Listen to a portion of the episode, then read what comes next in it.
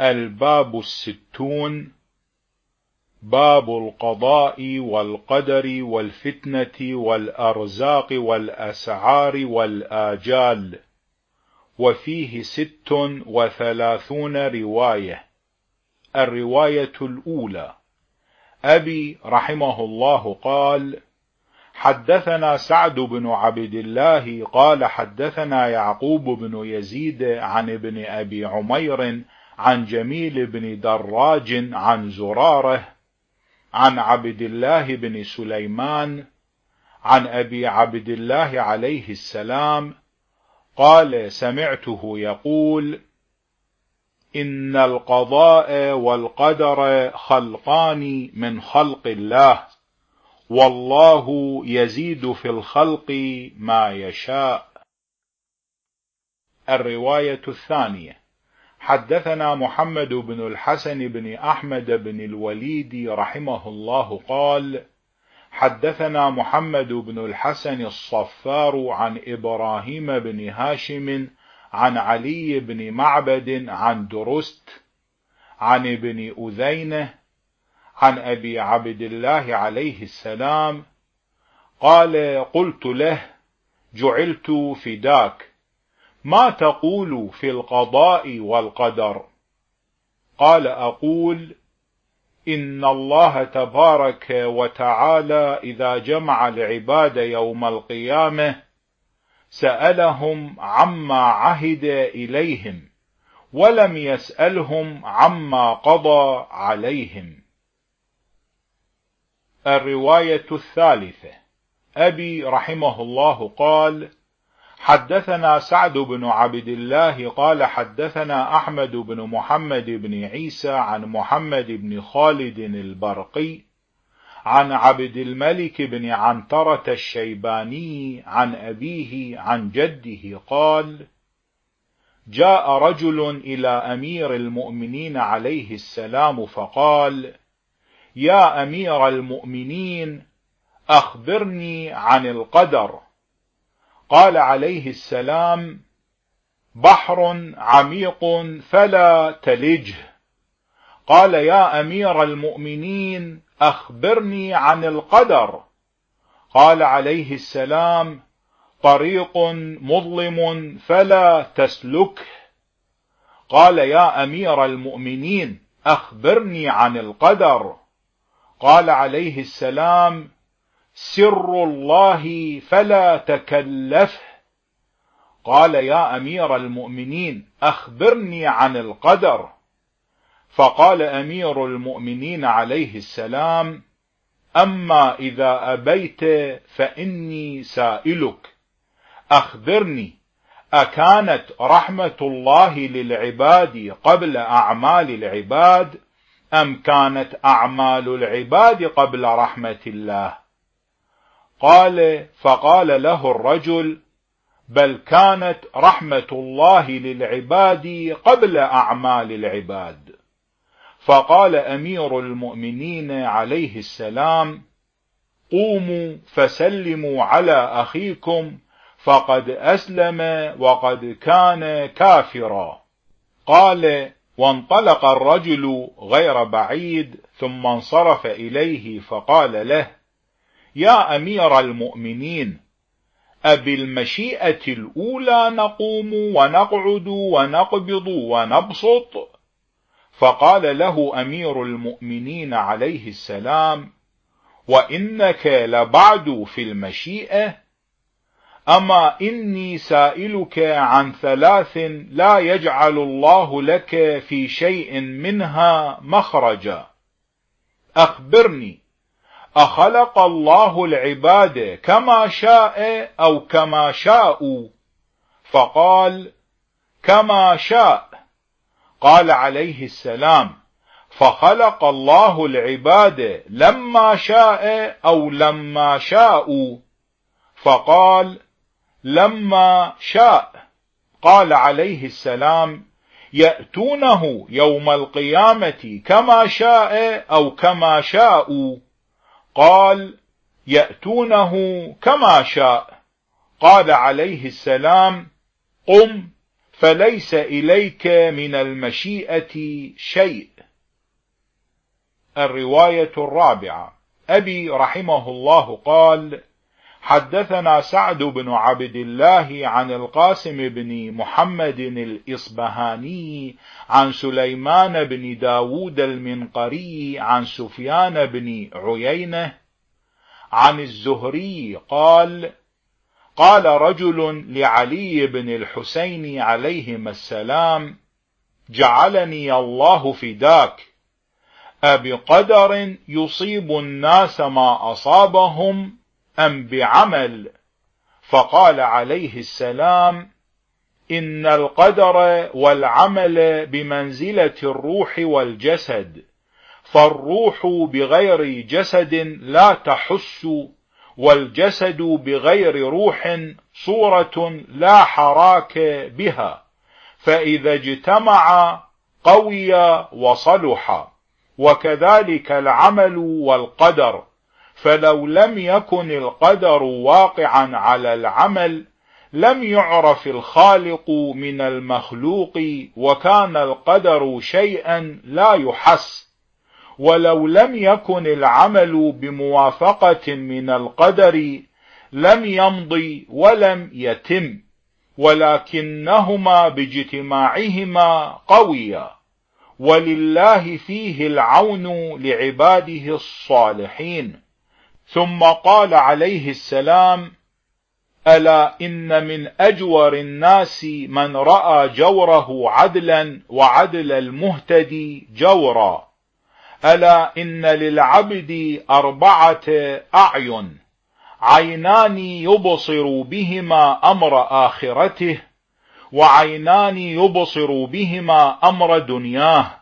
فإذا أراد الله عز وجل بعبد خيرا فتح له العينين اللتين في قلبه فأبصر بهما العيب وإذا أراد غير ذلك ترك القلب بما فيه ثم التفت إلى السائل عن القدر فقال هذا منه هذا منه.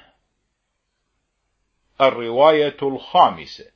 حدثنا أحمد بن الحسن القطان قال حدثنا أحمد بن يحيى بن زكريا القطان قال حدثنا بكر بن عبد الله بن حبيب قال حدثنا علي بن زياد قال حدثنا مروان بن معاوية عن الأعمش عن أبي حيان التميمي عن أبيه وكان مع علي عليه السلام يوم صفين وفيما بعد ذلك.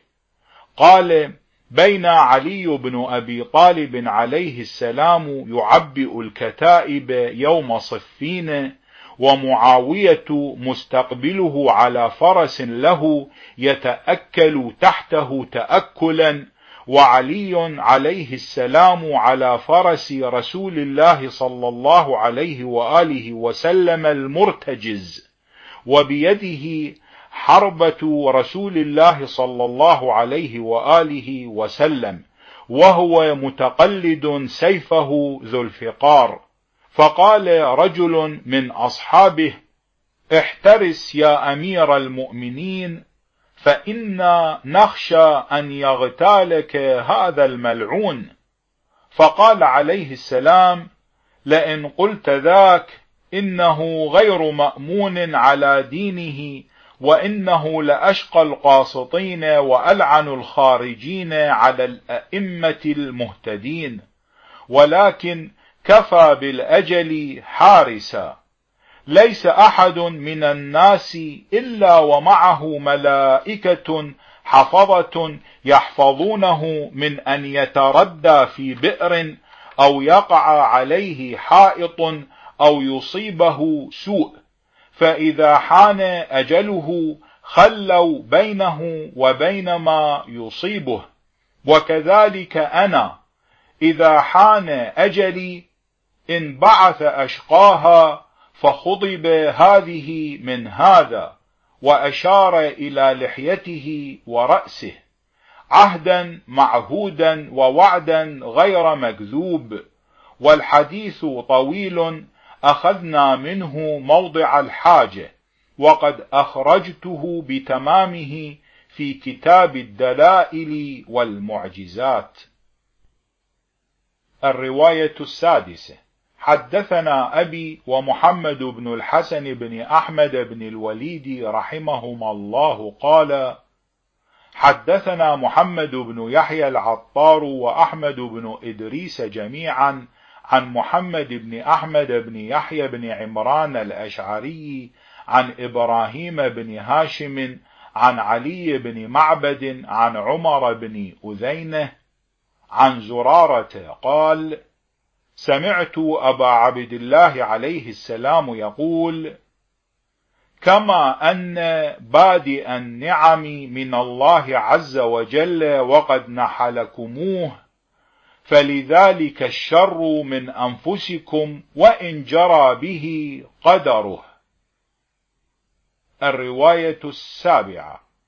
أبي رحمه الله قال حدثنا أحمد بن إدريس قال حدثنا محمد بن أحمد عن يوسف بن الحارث عن محمد بن عبد الرحمن العرزمي عن أبيه عبد الرحمن بإسناده رفعه إلى من قال سمعت رسول الله صلى الله عليه وآله وسلم يقول قدر الله المقادير قبل أن يخلق السماوات والأرض بخمسين ألف سنة. الرواية الثامنة. حدثنا علي بن عبد الله الوراق وعلي بن محمد بن الحسن المعروف بابن مقبرة الغزويني قال حدثنا سعد بن عبد الله قال حدثنا الهيثم بن أبي مسروق النهدي عن الحسين بن علوان عن عمر بن ثابت عن سعد بن طريف عن الأصبغ بن نباتة قال إن أمير المؤمنين عليه السلام عدل من عند حائط مائل إلى حائط آخر فقيل له يا أمير المؤمنين أتفر من قضاء الله؟ فقال أفر من قضاء الله إلى قدر الله عز وجل. الرواية التاسعة. حدثنا أبو الحسن محمد بن عمر بن علي البصري قال حدثنا أبو الحسن علي بن الحسن المثنى قال حدثنا أبو الحسن علي بن مهرويه القزويني قال حدثنا أبو أحمد الغازي قال حدثنا علي بن موسى الرضا قال حدثنا أبي موسى بن جعفر قال حدثنا أبي جعفر بن محمد قال حدثنا أبي محمد بن علي قال حدثنا أبي علي بن الحسين قال حدثنا أبي الحسين بن علي عليهم السلام قال سمعت أبي علي بن أبي طالب عليه السلام يقول الأعمال على ثلاثة أحوال فرائض وفضائل ومعاصي وأما الفرائض فبأمر الله عز وجل وبرضاء الله وقضاء الله وتقديره ومشيئته وعلمه.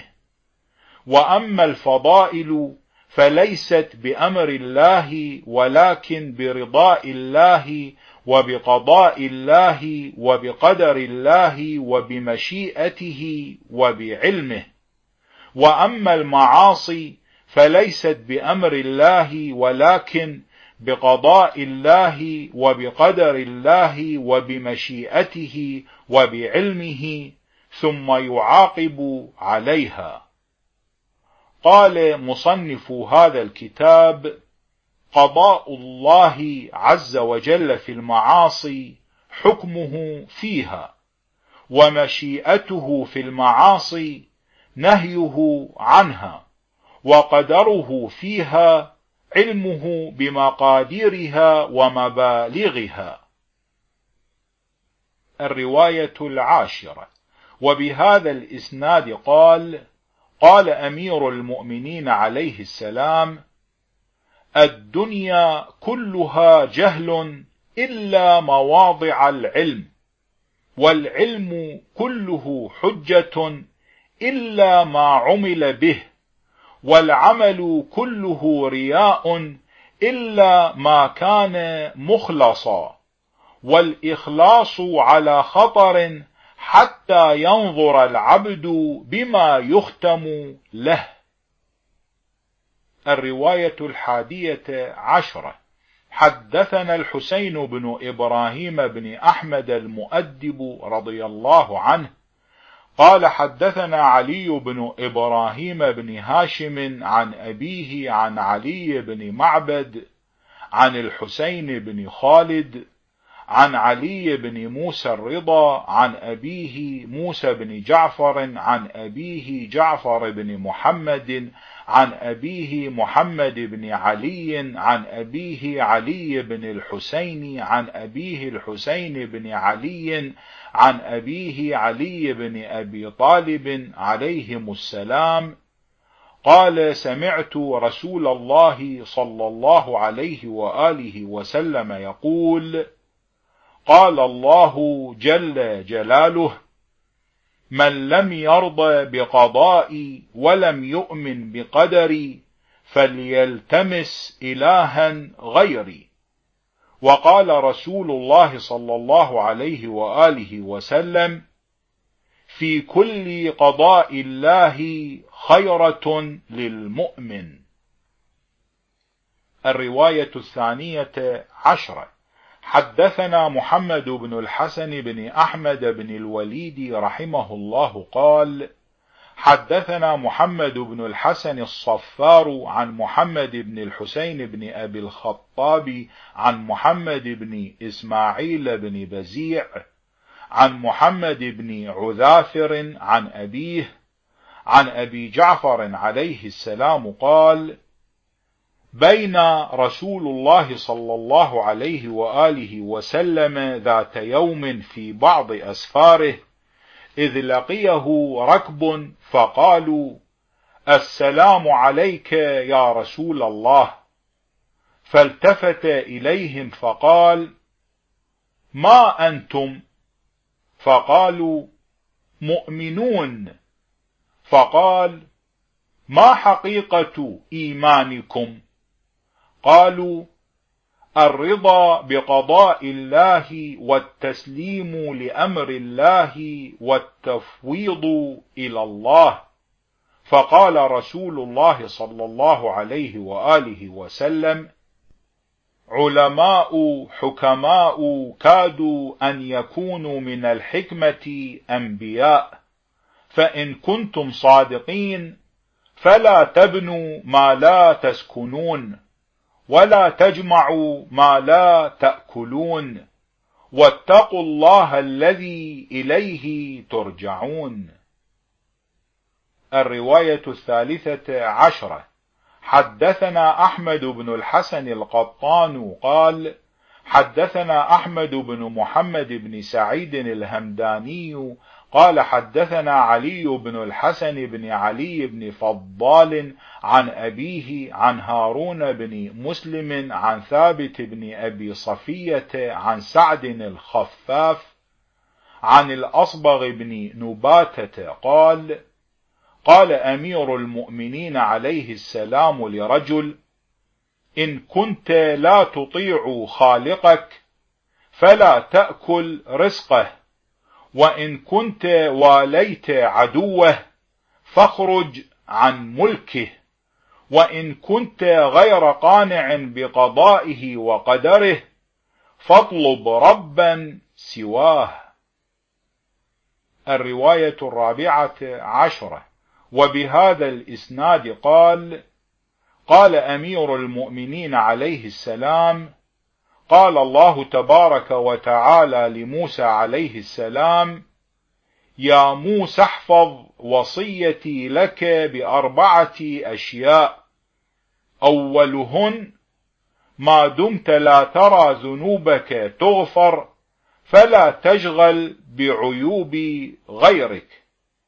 والثانية ما دمت لا ترى كنوزي قد نفدت فلا تغتم بسبب رزقك.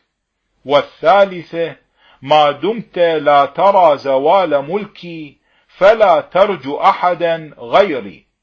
والرابعة ما دمت لا ترى الشيطان ميتا فلا تأمن مكره.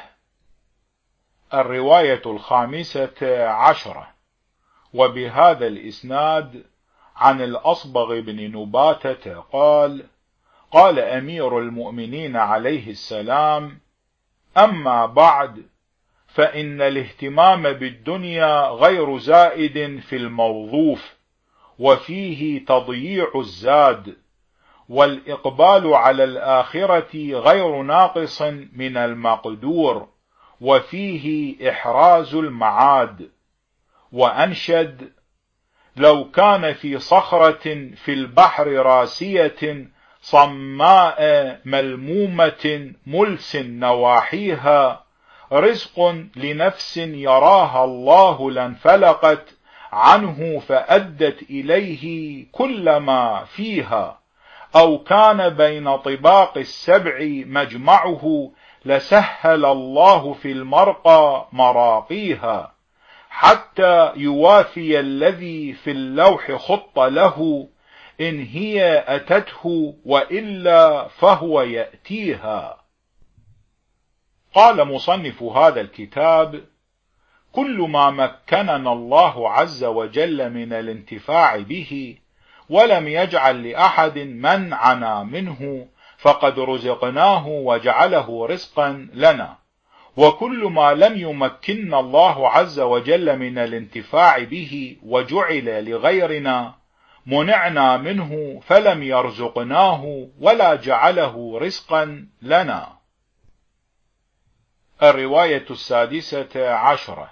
حدثنا أبي رحمه الله قال حدثنا سعد بن عبد الله عن إبراهيم بن هاشم عن أحمد بن سليمان قال سأل رجل أبا الحسن عليه السلام وهو في الطواف فقال له أخبرني عن الجواد. فقال له إن لكلامك وجهين. فإن كنت تسأل عن المخلوق فإن الجواد الذي يؤدي ما افترض الله عز وجل عليه والبخيل من بخل بما افترض الله عليه. وإن كنت تعني الخالق فهو الجواد إن أعطى وهو الجواد إن منع. لأنه إن أعطى عبدا أعطاه ما ليس له وإن منع منع ما ليس له. الرواية السابعة عشرة. حدثنا أبو محمد الحسن بن محمد بن يحيى بن الحسن بن جعفر بن عبيد الله بن الحسين بن علي بن الحسين بن علي بن أبي طالب عليهم السلام قال حدثني جدي يحيى بن الحسن قال حدثنا يعقوب بن يزيد قال حدثني ابن أبي عمير وعبد الله بن المغيرة عن أبي حفص الأعشى عن أبي حمزة عن علي بن الحسين عليهما السلام قال خرجت حتى انتهيت إلى هذا الحائط فاتكيت عليه فإذا رجل عليه ثوبان أبيضان ينظر في وجهي. ثم قال لي يا علي بن الحسين ما لي أراك كئيبا حزينا؟ أعلى الدنيا حزنك؟ فرزق الله حاضر للبر والفاجر. فقلت ما على هذا أحزن وإنه لكما تقول. قال أفعل الآخرة حزنك؟ فهو وعد صادق يحكم فيه ملك قاهر. قلت ما على هذا أحزن وإنه لكما تقول. قال فعلى ما حزنك؟ فقلت أنا أتخوف من فتنة ابن الزبير. فضحك ثم قال يا علي بن الحسين هل رأيت أحدا خاف الله تعالى فلم ينجه؟ قلت لا. قال يا علي بن الحسين هل رأيت أحدا سأل الله عز وجل فلم يعطه؟ قلت لا. قال عليه السلام ثم نظرت فإذا ليس قدامي أحد. الرواية الثامنة عشرة. حدثنا الحسين بن أحمد بن إدريس رحمه الله. قال حدثنا أبي قال حدثنا أحمد بن محمد بن عيسى عن عبد الرحمن بن أبي نجران عن المفضل بن صالح عن جابر بن يزيد الجعفي عن أبي جعفر محمد بن علي الباقر عليهما السلام قال إن موسى بن عمران عليه السلام قال يا ربي رضيت بما قضيت تميت الكبير وتبقي الصغير. فقال الله جل جلاله يا موسى أما ترضاني لهم رازقا وكفيلا؟ قال بلى يا رب فنعم الوكيل أنت ونعم الكفيل. الرواية التاسعة عشرة. حدثنا حمزة بن محمد بن أحمد بن جعفر بن محمد بن زيد بن علي بن الحسين بن علي بن أبي طالب عليهم السلام وأحمد بن الحسن القطان ومحمد بن إبراهيم بن أحمد المعاذي قالوا حدثنا أحمد بن محمد بن سعيد الهمداني مولى بني هاشم قال حدثنا يحيى بن إسماعيل الجريري قراءة قال حدثنا الحسين بن إسماعيل قال حدثنا عمرو بن جميع عن جعفر بن محمد قال حدثني أبي عن أبيه عن جده عليهم السلام قال دخل الحسين بن علي عليه السلام على معاوية فقال له ما حمل أباك على أن قتل أهل البصرة ثم دار عشيا في طرقهم في ثوبين. حاشية. في ثوبين أي من غير درع ولا لباس حرب. الرجوع إلى النص. دخل الحسين بن علي عليه السلام على معاوية فقال له ما حمل أباك على أن قتل أهل البصرة ثم دار عشيا في طرقهم في ثوبين. فقال عليه السلام حمله على ذلك علمه أن ما أصابه لم يكن ليخطئه وأن ما أخطأه لم يكن ليصيبه. قال صدقت. قال وقيل لأمير المؤمنين عليه السلام لما أراد قتال الخوارج لو احترزت يا أمير المؤمنين.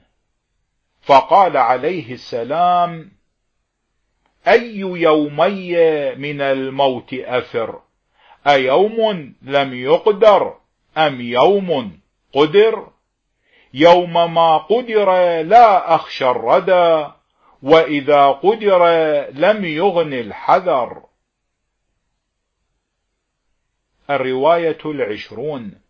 حدثنا أبو الحسن علي بن عبد الله بن أحمد الإصبهاني قال حدثنا مكي بن أحمد بن سعدويه البرذعي قال أخبرنا أبو منصور محمد بن القاسم بن عبد الرحمن العتكي قال حدثنا محمد بن أشرس قال حدثنا إبراهيم بن نصر قال حدثنا وهب بن وهب بن هشام أبو البختري قال حدثنا جعفر بن محمد عن أبيه عن جده عن علي بن أبي طالب عليهم السلام عن النبي صلى الله عليه وآله وسلم أنه قال يا علي إن اليقين أن لا ترضي أحدا على سخط الله ولا تحمدن أحدا على ما آتاك الله ولا تذمن أحدا على ما لم يؤتك الله فإن الرزق لا يجره حرص حريص ولا يصرفه كره كاره. فإن الله عز وجل بحكمته وفضله جعل الروح والفرح في اليقين والرضا وجعل الهم والحزن في الشك والسخط. إنه لا فقر أشد من الجهل ولا مال أعود من العقل. ولا وحدة أوحش من العجب ولا مظاهرة أوثق من المشاورة ولا عقل كالتدبير ولا ورع كالكف عن المحارم ولا حسب كحسن الخلق ولا عبادة كالتفكر وآفة الحديث الكذب. وآفة العلم النسيان وآفة العبادة الفترة وآفة الظرف الصلف وآفة الشجاعة البغي وآفة السماحة المن وآفة الجمال الخيلاء وآفة الحسب الفخر. الرواية الحادية والعشرون. حدثنا الحسين بن أحمد بن إدريس رحمه الله قال حدثنا أبي قال حدثنا محمد بن أبي الصهبان قال حدثنا أبو أحمد محمد بن زياد الأزدي قال حدثني أبان الأحمر عن الصادق جعفر بن محمد عليهما السلام أنه جاء إليه رجل فقال له بأبي أنت وأمي. عظني موعظة. فقال عليه السلام إن كان الله تبارك وتعالى قد تكفل بالرزق فاهتمامك لماذا؟ وإن كان الرزق مقسوما فالحرص لماذا؟ وإن كان الحساب حقا فالجمع لماذا؟ وإن كان الخلف من الله عز وجل حقا فالبخل لماذا؟ وإن كانت العقوبة من الله عز وجل النار فالمعصية لماذا؟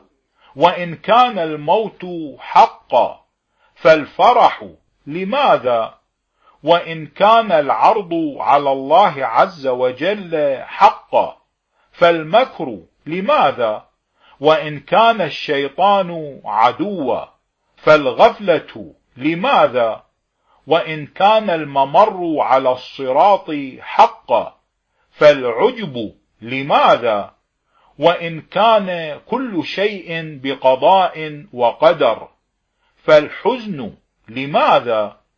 وإن كانت الدنيا فانية فالطمأنينة إليها لماذا؟ الرواية الثانية والعشرون.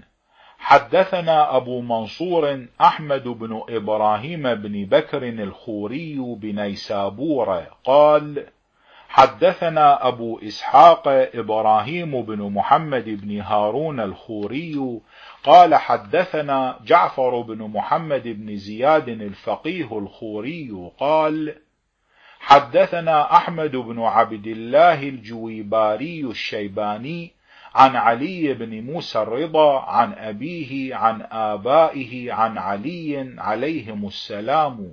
قال قال رسول الله صلى الله عليه وآله وسلم إن الله عز وجل قدر المقادير ودبر التدابير قبل أن يخلق آدم بألفي عام.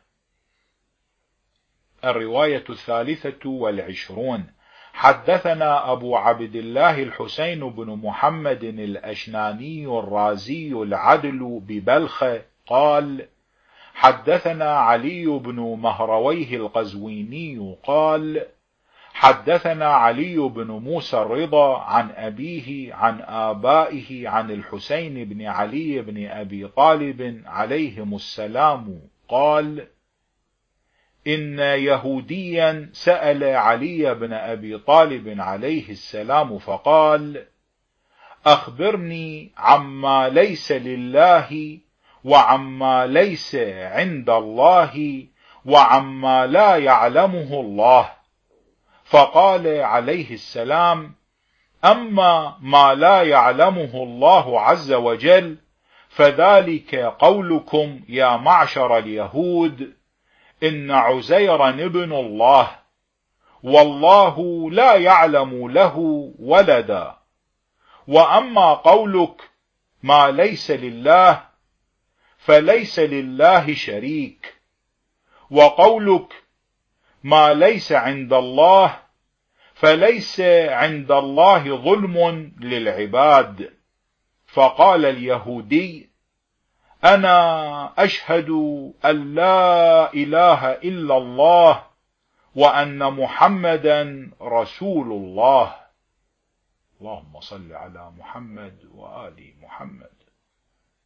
الرواية الرابعة والعشرون.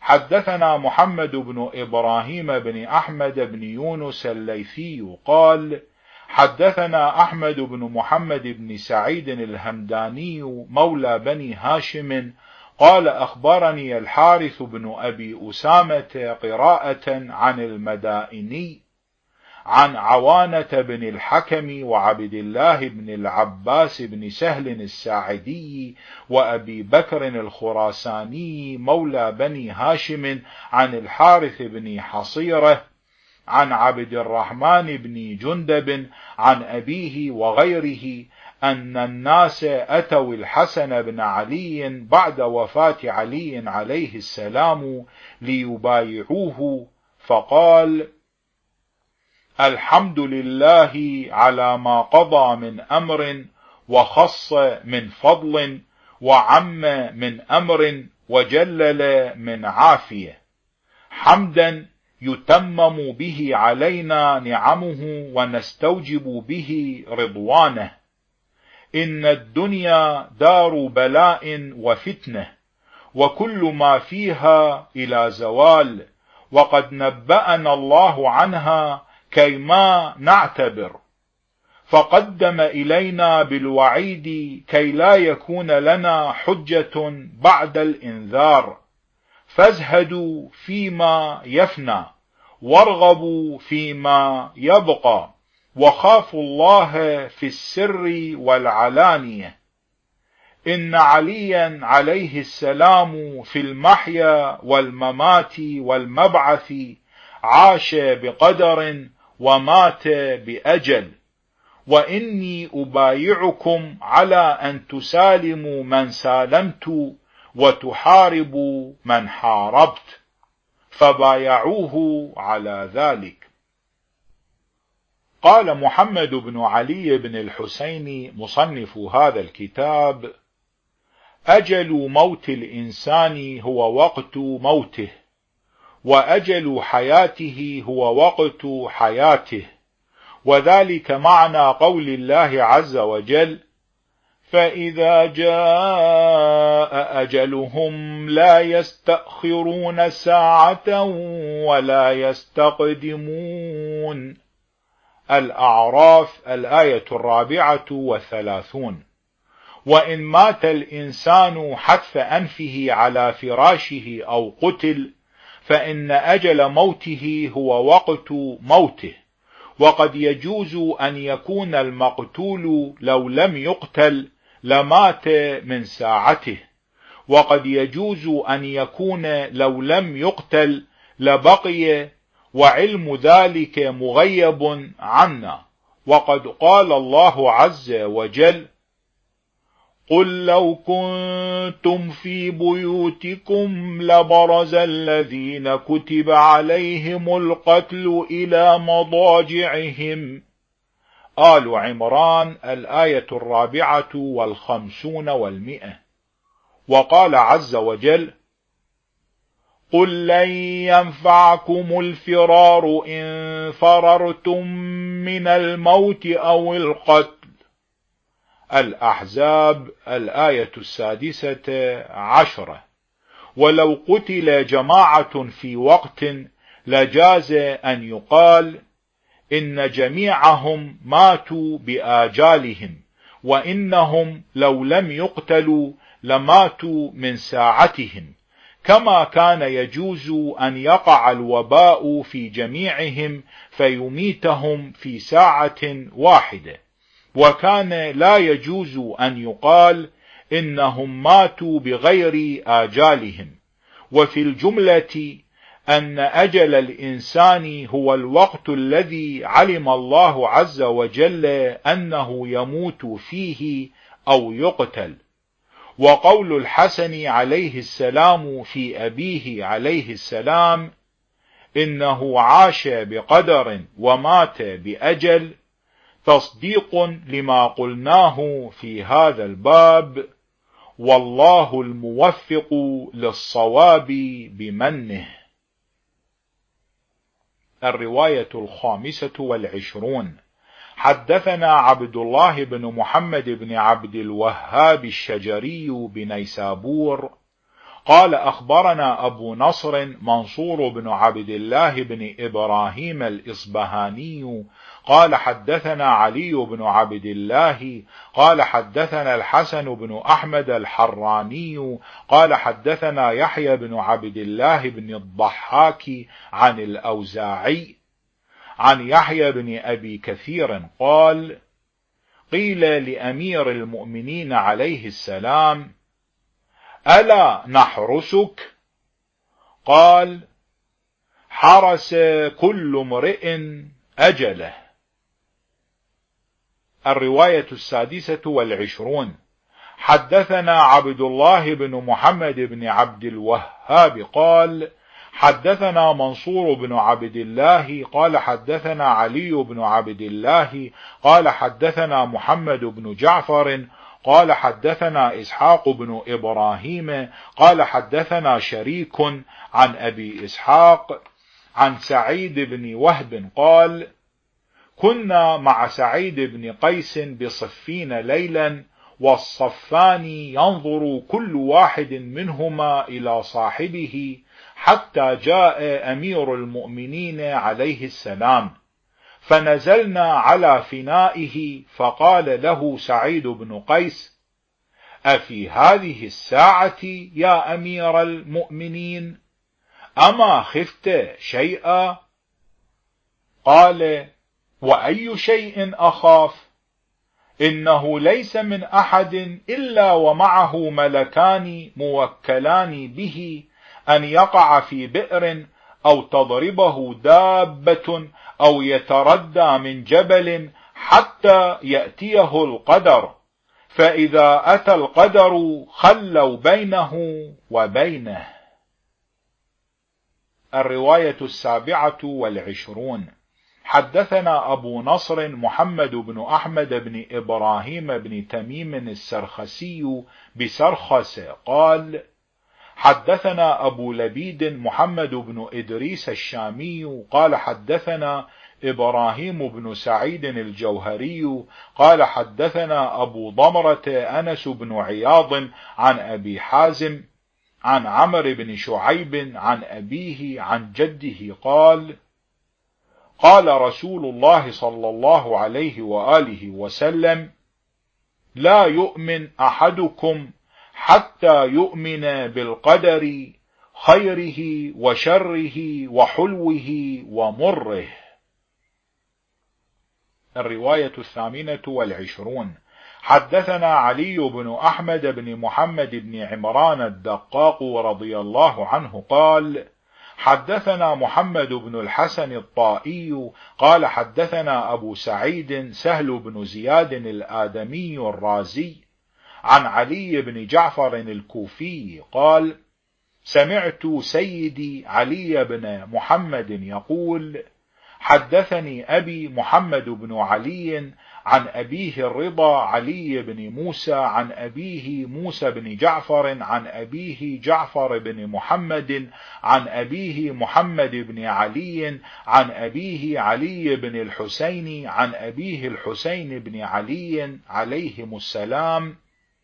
وحدثنا محمد بن عمر الحافظ البغدادي قال حدثني أبو القاسم إسحاق بن جعفر العلوي قال حدثني أبي جعفر بن محمد بن علي عن سليمان بن محمد القرشي عن إسماعيل بن أبي زياد السكوني عن جعفر بن محمد عن أبيه محمد بن علي عن أبيه عن جده عن علي عليهم السلام واللفظ لعلي بن أحمد بن محمد بن عمران الدقاق قال دخل رجل من أهل العراق على أمير المؤمنين عليه السلام فقال أخبرنا عن خروجنا إلى أهل الشام أبقضاء من الله وقدر؟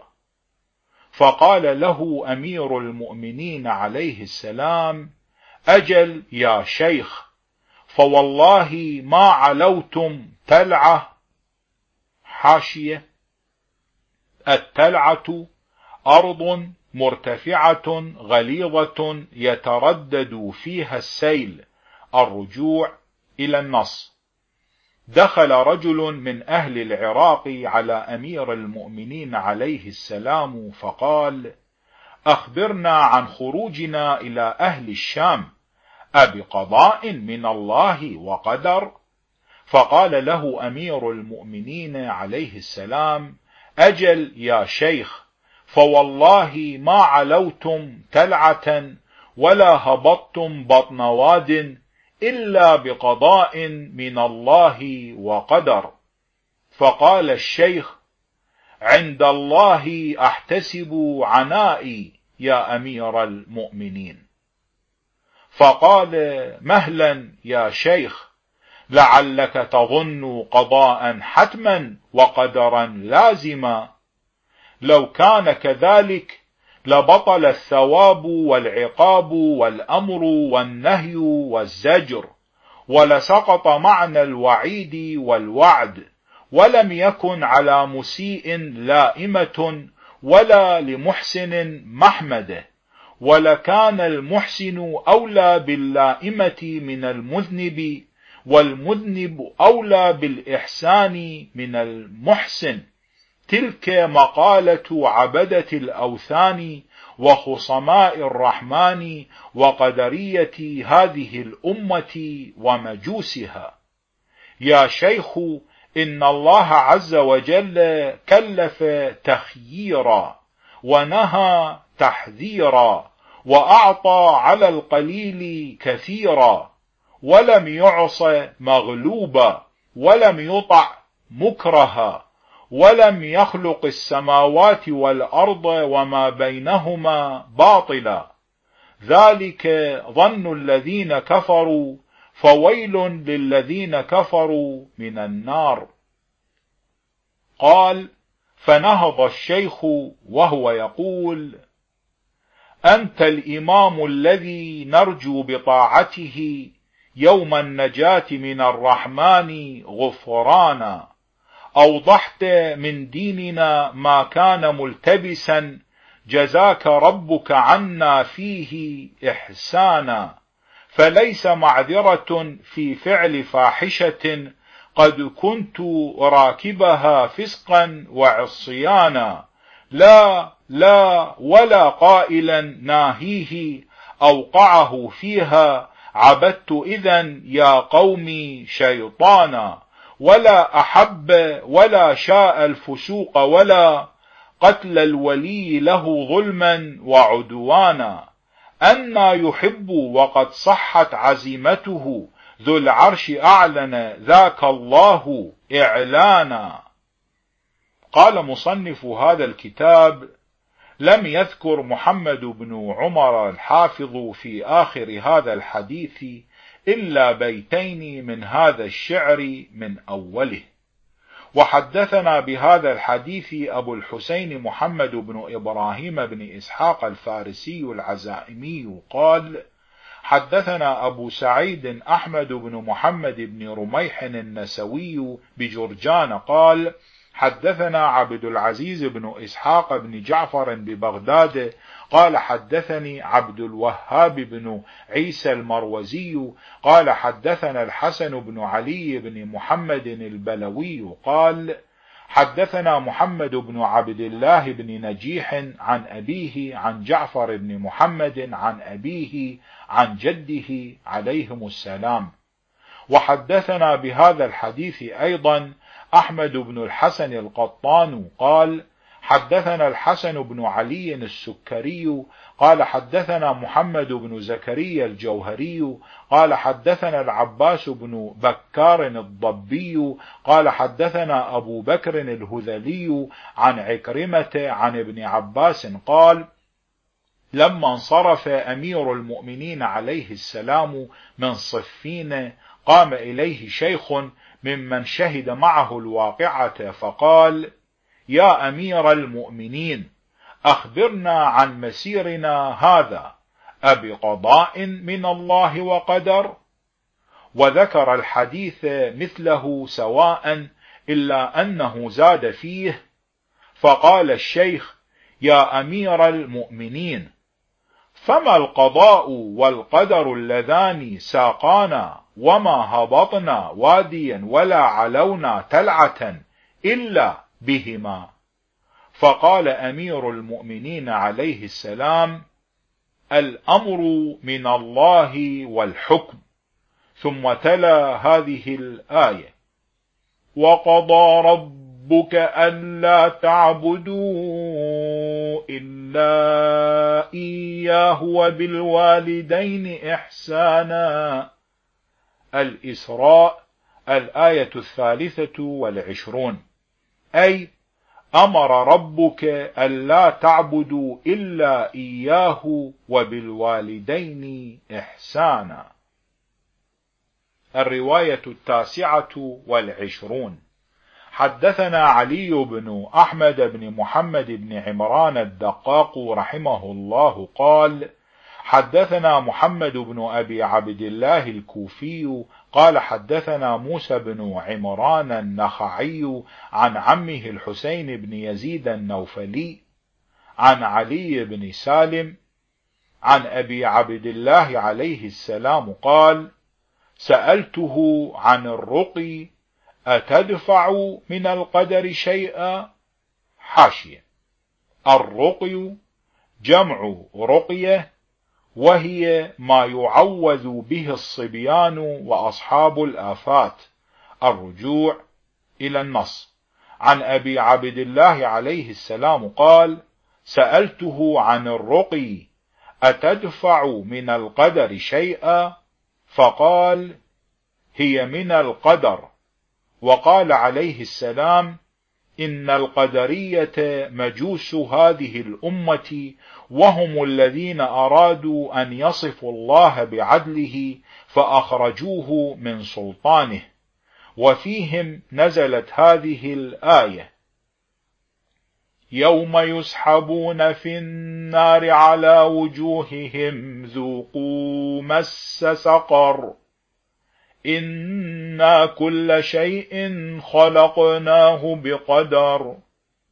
القمر الآية الثامنة والأربعون والتاسعة والأربعون. الرواية الثلاثون. حدثنا أبو الحسين محمد بن إبراهيم بن إسحاق الفارسي العزائمي قال حدثني أبو سعيد أحمد بن محمد بن رميح النسوي قال حدثنا عبد العزيز بن يحيى التميمي بالبصرة وأحمد بن إبراهيم بن معل بن أسد العمي قال حدثنا محمد بن زكريا الغلابي قال حدثنا أحمد بن عيسى بن زيد قال حدثنا عبد الله بن موسى بن عبد الله بن حسن عن أبيه عن آبائه عن الحسن بن علي بن أبي طالب عليهما السلام أنه سئل عن قول الله عز وجل إنا كل شيء خلقناه بقدر. القمر الآية التاسعة والأربعون. فقال يقول عز وجل إنا كل شيء خلقناه لأهل النار بقدر أعمالهم. الرواية الحادية والثلاثون. حدثنا أبي رحمه الله قال حدثنا علي بن الحسن الكوفي عن أبيه الحسن بن علي بن عبد الله الكوفي عن جده عبد الله بن المغيرة عن إسماعيل بن مسلم أنه سأل الصادق عليه السلام عن الصلاة خلف من يكذب بقدر الله عز وجل. قال فليعد كل صلاة صلاها خلفه. الرواية الثانية والثلاثون. حدثنا محمد بن موسى بن المتوكل رحمه الله قال حدثنا علي بن الحسين السعد آبادي قال حدثنا أحمد بن أبي عبد الله البرقي عن أبيه عن محمد بن سنان عن زياد بن المنذر عن سعد بن طريف عن الأصبغ بن نباتة قال قال أمير المؤمنين عليه السلام في القدر ألا إن القدر سر من سر الله. وستر من ستر الله وحرز من حرز الله مرفوع في حجاب الله مطوي عن خلق الله مختوم بخاتم الله سابق في علم الله. وضع الله العباد عن علمه ورفعه فوق شهاداتهم ومبلغ عقولهم لأنهم لا ينالونه بحقيقة الربانية ولا بقدرة الصمدانية ولا بعظمة النورانية ولا بعزة الوحدانية. لأنه بحر زاخر خالص لله تعالى. عمقه ما بين السماء والأرض. عرضه ما بين المشرق والمغرب. أسود كالليل الدامس كثير الحيات والحيتان يعلو مرة ويسفل أخرى في قعره شمس تضيء لا ينبغي أن يطلع إليها إلا الله الواحد الفرد فمن تطلع إليها فقد ضاد الله عز وجل في حكمه ونازعه في سلطانه وكشف عن ستره وسره وباء بغضب من الله ومأواه جهنم وبئس المصير. قال مصنف هذا الكتاب نقول إن الله تبارك وتعالى قد قضى جميع أعمال العباد وقدرها وجميع ما يكون في العالم من خير وشر والقضاء قد يكون بمعنى الإعلام كما قال الله عز وجل وقضينا إلى بني إسرائيل. الإسراء الآية الرابعة. يريد أعلمناهم. وكما قال الله عز وجل وقضينا إليه ذلك الأمر أن دابر هؤلاء مقطوع مصبحين. الحجر الآية السادسة والستون يريد أخبرناه وأعلمناه. فلا ينكر أن يكون الله عز وجل يقضي أعمال العباد وسائر ما يكون من خير وشر على هذا المعنى لأن الله عز وجل عالم بها أجمع ويصح أن يعلمها عباده ويخبرهم عنها وقد يكون القدر أيضا في معنى الكتاب والإخبار كما قال الله عز وجل إلا امرأته قدرنا إنها لمن الغابرين. الحجر الآية الستون. يعني كتبنا وأخبرنا. وقال العجاج واعلم بأن ذا الجلال قد قدر. في الصحف الأولى التي كان سطر وقدر معناه كتب وقد يكون القضاء بمعنى الحكم والإلزام. قال الله عز وجل وقضى ربك ألا تعبدوا إلا إياه وبالوالدين إحسانا. الإسراء الآية الثالثة والعشرون. يريد حكم بذلك وألزمه خلقه. فقد يجوز أن يقال إن الله عز وجل قد قضى من أعمال العباد على هذا المعنى ما قد ألزمه عباده وحكم به عليهم وهي الفرائض دون غيرها. وقد يجوز أيضا أن يقدر الله أعمال العباد بأن يبين مقاديرها وأحوالها من حسن وقبح وفرض ونافلة وغير ذلك. ويفعل من الأدلة على ذلك ما يعرف به هذه الأحوال لهذه الأفعال فيكون عز وجل مقدرا لها في الحقيقة. وليس يقدرها ليعرف مقدارها ولكن ليبين لغيره ممن لا يعرف ذلك حال ما قدره بتقديره إياه. وهذا أظهر من أن يخفى وأبين من أن يحتاج إلى الاستشهاد عليه. ألا ترى أن قد نرجع إلى أهل المعرفة بالصناعات في تقديرها لنا فلا يمنعهم علمهم بمقاديرها من أن يقدروها لنا ليبينوا لنا مقاديرها.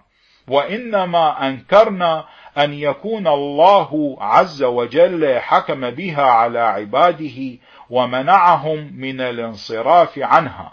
أو أن يكون فعلها وكونها. فأما أن يكون الله عز وجل خلقها خلق تقدير فلا ننكره. وسمعت بعض أهل العلم يقول إن القضاء على عشرة أوجه فأول وجه منها العلم وهو قول الله عز وجل إلا حاجة في نفس يعقوب قضاها. يوسف الآية الثامنة والستون يعني علمها. والثاني الإعلام وهو قوله عز وجل وقضينا إلى بني إسرائيل في الكتاب. وقوله عز وجل وقضينا إليه ذلك الأمر أي أعلمناه. والثالث الحكم وهو قوله عز وجل والله يقضي بالحق أي يحكم بالحق. والرابع القول وهو قوله عز وجل والله يقضي بالحق. غافر الآية العشرون. أي يقول الحق. والخامس الحتم وهو قوله عز وجل فلما قضينا عليه الموت. سبأ الآية الرابعة عشرة. يعني حتمنا فهو القضاء الحتم. والسادس الأمر وهو قوله عز وجل وقضى ربك ألا تعبدوا إلا إياه يعني أمر ربك. والسابع الخلق وهو قوله عز وجل فقضاهن سبع سماوات في يومين. فصلت الآية الثانية عشرة يعني خلقهن. والثامن الفعل وهو قوله عز وجل فاقض ما أنت قاض. طه الآية الثانية والسبعون. أي افعل ما أنت فاعل. والتاسع الإتمام وهو قوله عز وجل فلما قضى موسى الأجل القصص الآية التاسعة والعشرون. وقوله عز وجل حكاية عن موسى أيما الأجلين قضيت فلا عدوان علي والله على ما نقول وكيل. القصص الآية الثامنة والعشرون. أي أتممت. والعاشر الفراغ من الشيء. وهو قوله عز وجل قضي الأمر الذي فيه تستفتيان يوسف الآية الحادية والأربعون يعني فرغ لكما منه وقول القائل قد قضيت لك حاجتك يعني فرغت لك منها فيجوز أن يقال إن الأشياء كلها بقضاء الله وقدره تبارك وتعالى بمعنى أن الله عز وجل قد علمها وعلم مقاديرها وله عز وجل في جميعها حكم من خير أو شر فما كان من خير فقد قضاه بمعنى أنه أمر به وحتمه وجعله حقا وعلم مبلغه ومقداره وما كان من شر فلم يأمر به ولم يرضه ولكنه عز وجل قد قضاه وقدره بمعنى أنه علمه بمقداره ومبلغه وحكم فيه بحكمه. والفتنة على عشرة أوجه. فوجه منها الضلال. والثاني الاختبار وهو قول الله عز وجل وفتناك فتونا طه الآية الأربعين. يعني اختبرناك اختبارا. وقوله عز وجل ألف لام ميم أحسب الناس أن يتركوا أن يقولوا آمنا وهم لا يفتنون. العنكبوت الآية الأولى والثانية. أي لا يختبرون. والثالث الحجة وهو قوله عز وجل ثم لم تكن فتنتهم إلا أن قالوا والله ربنا ما كنا مشركين. الأنعام الآية الثالثة والعشرون. والرابع الشرك وهو قوله عز وجل والفتنة أشد من القتل. البقرة الآية الحادية والتسعون والمئة. والخامس الكفر وهو قوله عز وجل ألا في الفتنة سقطوا. التوبة الآية التاسعة والأربعون يعني في الكفر. والسادس الإحراق بالنار وهو قوله عز وجل إن الذين فتنوا المؤمنين والمؤمنات البروج الآية العاشرة يعني أحرقوا والسابع العذاب وهو قوله عز وجل يوم هم على النار يفتنون. الذاريات الآية الثالثة عشرة يعني يعذبون. وقوله عز وجل ذوقوا فتنتكم هذا الذي كنتم به تستعجلون. الذاريات الآية الرابعة عشرة يعني عذابكم. وقوله عز وجل ومن يرد الله فتنته المائدة الآية الحادية والأربعون. يعني عذابه. فلن تملك له من الله شيئا. المائدة الآية الحادية والأربعون. والثامن القتل وهو قوله عز وجل إن خفتم أن يفتنكم الذين كفروا. النساء الآية الحادية والمئة. يعني إن خفتم أن يقتلوكم.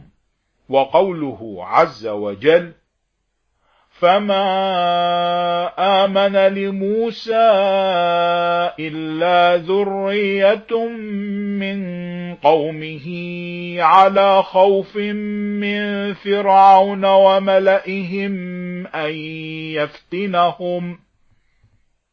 يونس الآية الثالثة والثمانون يعني أن يقتلهم. والتاسع الصد وهو قوله عز وجل وإن كادوا ليفتنونك عن الذي أوحينا إليك. الإسراء الآية الثالثة والسبعون يعني ليصدونك والعاشر شدة المحنة وهو قوله عز وجل ربنا لا تجعلنا فتنة للذين كفروا. الممتحنة الآية الخامسة وقوله عز وجل ربنا لا تجعلنا فتنة للقوم الظالمين. يونس الآية الخامسة والثمانون. أي محنة. فيفتنوا بذلك ويقول في أنفسهم لم يقتلهم إلا دينهم الباطل وديننا الحق فيكون ذلك داعيا لهم إلى النار على ما هم عليه من الكفر والظلم. قد زاد علي بن إبراهيم بن هاشم على هذه الوجوه العشرة وجها آخر فقال من وجوه الفتنة ما هو المحبة وهو قوله عز وجل إنما أموالكم وأولادكم فتنة التغابن الآية الخامسة عشرة أي محبة والذي عندي في ذلك أن وجوه الفتنة عشرة وأن الفتنة في هذا الموضع أيضا المحنة بالنون لا المحبة بالباء. وتصديق ذلك قول النبي صلى الله عليه وآله وسلم الولد مجهلة محنة مبخلة. وقد أخرجت هذا الحديث مسندا في كتاب مقتل الحسين بن علي صلى الله عليهما. الرواية الثالثة والثلاثون. حدثنا أحمد بن زياد بن جعفر الهمداني رضي الله عنه قال حدثنا علي بن إبراهيم بن هاشم عن أبيه عن غياث بن إبراهيم عن جعفر بن محمد عن أبيه عن جده عليهم السلام قال مر رسول الله صلى الله عليه وآله وسلم بالمحتكرين فأمر بحكرتهم. حاشية. الحكرة من الاحتكار من الجمع والإمساك للتربص الرجوع إلى النص. مر رسول الله صلى الله عليه وآله وسلم بالمحتكرين فأمر بحكرتهم أن يخرج إلى بطون الأسواق وحيث تنظر الأبصار إليها. فقيل لرسول الله صلى الله عليه وآله وسلم لو قومت عليهم فغضب عليه السلام حتى عرف الغضب في وجهه وقال أنا أقوم عليهم؟ إنما السعر إلى الله عز وجل يرفعه إذا شاء ويخفضه إذا شاء. وقيل لرسول الله صلى الله عليه وآله وسلم لو أسعرت لنا سعرا فإن الأسعار تزيد وتنقص. فقال عليه السلام ما كنت لألقى الله عز وجل ببدعة لم يحدث لي فيها شيئا. فدعوا عباد الله يأكل بعضهم من بعض. الرواية الرابعة والثلاثون. حدثنا محمد بن الحسن بن أحمد بن الوليد رحمه الله قال حدثنا محمد بن الحسن الصفار عن أيوب بن نوح عن محمد بن أبي عمير عن أبي حمزة الثمالي عن علي بن الحسين عليهما السلام قال إن الله تبارك وتعالى وكل بالسعر ملكا يدبره بأمره. وقال أبو حمزة الثمالي ذكر عند علي بن الحسين عليهما السلام غلاء السعر فقال وما علي من غلائه؟ إن غلا فهو عليه وإن رخص فهو عليه.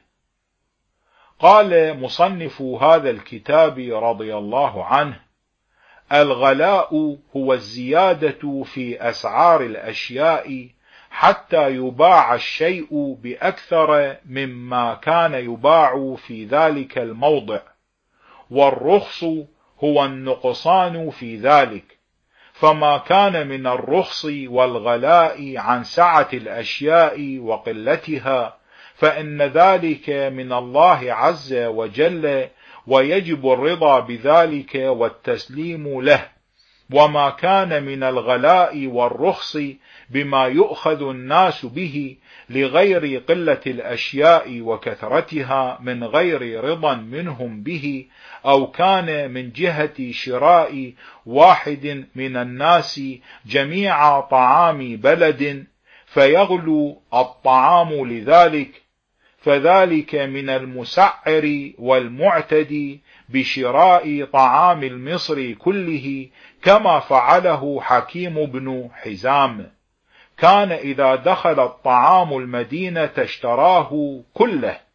فمر عليه النبي صلى الله عليه وآله وسلم فقال يا حكيم بن حزام إياك أن تحتكر. الرواية الخامسة والثلاثون. حدثنا بذلك أبي رحمه الله قال حدثنا سعد بن عبد الله عن يعقوب بن يزيد عن صفوان بن يحيى عن سلمة الحناط عن أبي عبد الله عليه السلام متى كان في المصر طعام غير ما يشتريه الواحد من الناس فجائز له أن يلتمس بسلعته الفضل لأنه إذا كان في المصر طعام غيره يسع الناس لم يغلو الطعام لأجله. وإنما يغلو إذا اشترى الواحد من الناس جميع ما يدخل المدينة. الرواية السادسة والثلاثون. حدثنا أبي رحمه الله قال حدثنا سعد بن عبد الله عن أحمد وعبد الله بن محمد بن عيسى عن محمد بن أبي عمير عن حماد بن عثمان عن عبد الله بن علي الحلبي. عن أبي عبد الله عليه السلام أنه سئل عن الحكرة فقال إنما الحكرة أن تشتري طعاما وليس في المصر غيره فتحتكره فإن كان في المصر طعام أو متاع غيره فلا بأس أن تلتمس لسلعتك الفضل. ولو كان الغلاء في هذا الموضع من الله عز وجل لما استحق المشتري لجميع طعام المدينة الذم لأن الله عز وجل لا يذم العبد على ما يفعله. ولذلك قال رسول الله صلى الله عليه وآله وسلم الجالب مرزوق والمحتكر ملعون. ولو كان منه عز وجل لوجب الرضاء به والتسليم له. كما يجب إذا كان عن قلة الأشياء أو قلة الريع لأنه من الله عز وجل. وما كان من الله عز وجل أو من الناس فهو سابق في علم الله تعالى ذكره. مثل خلق الخلق وهو بقضائه وقدره على ما بينته من معنى القضاء والقدر.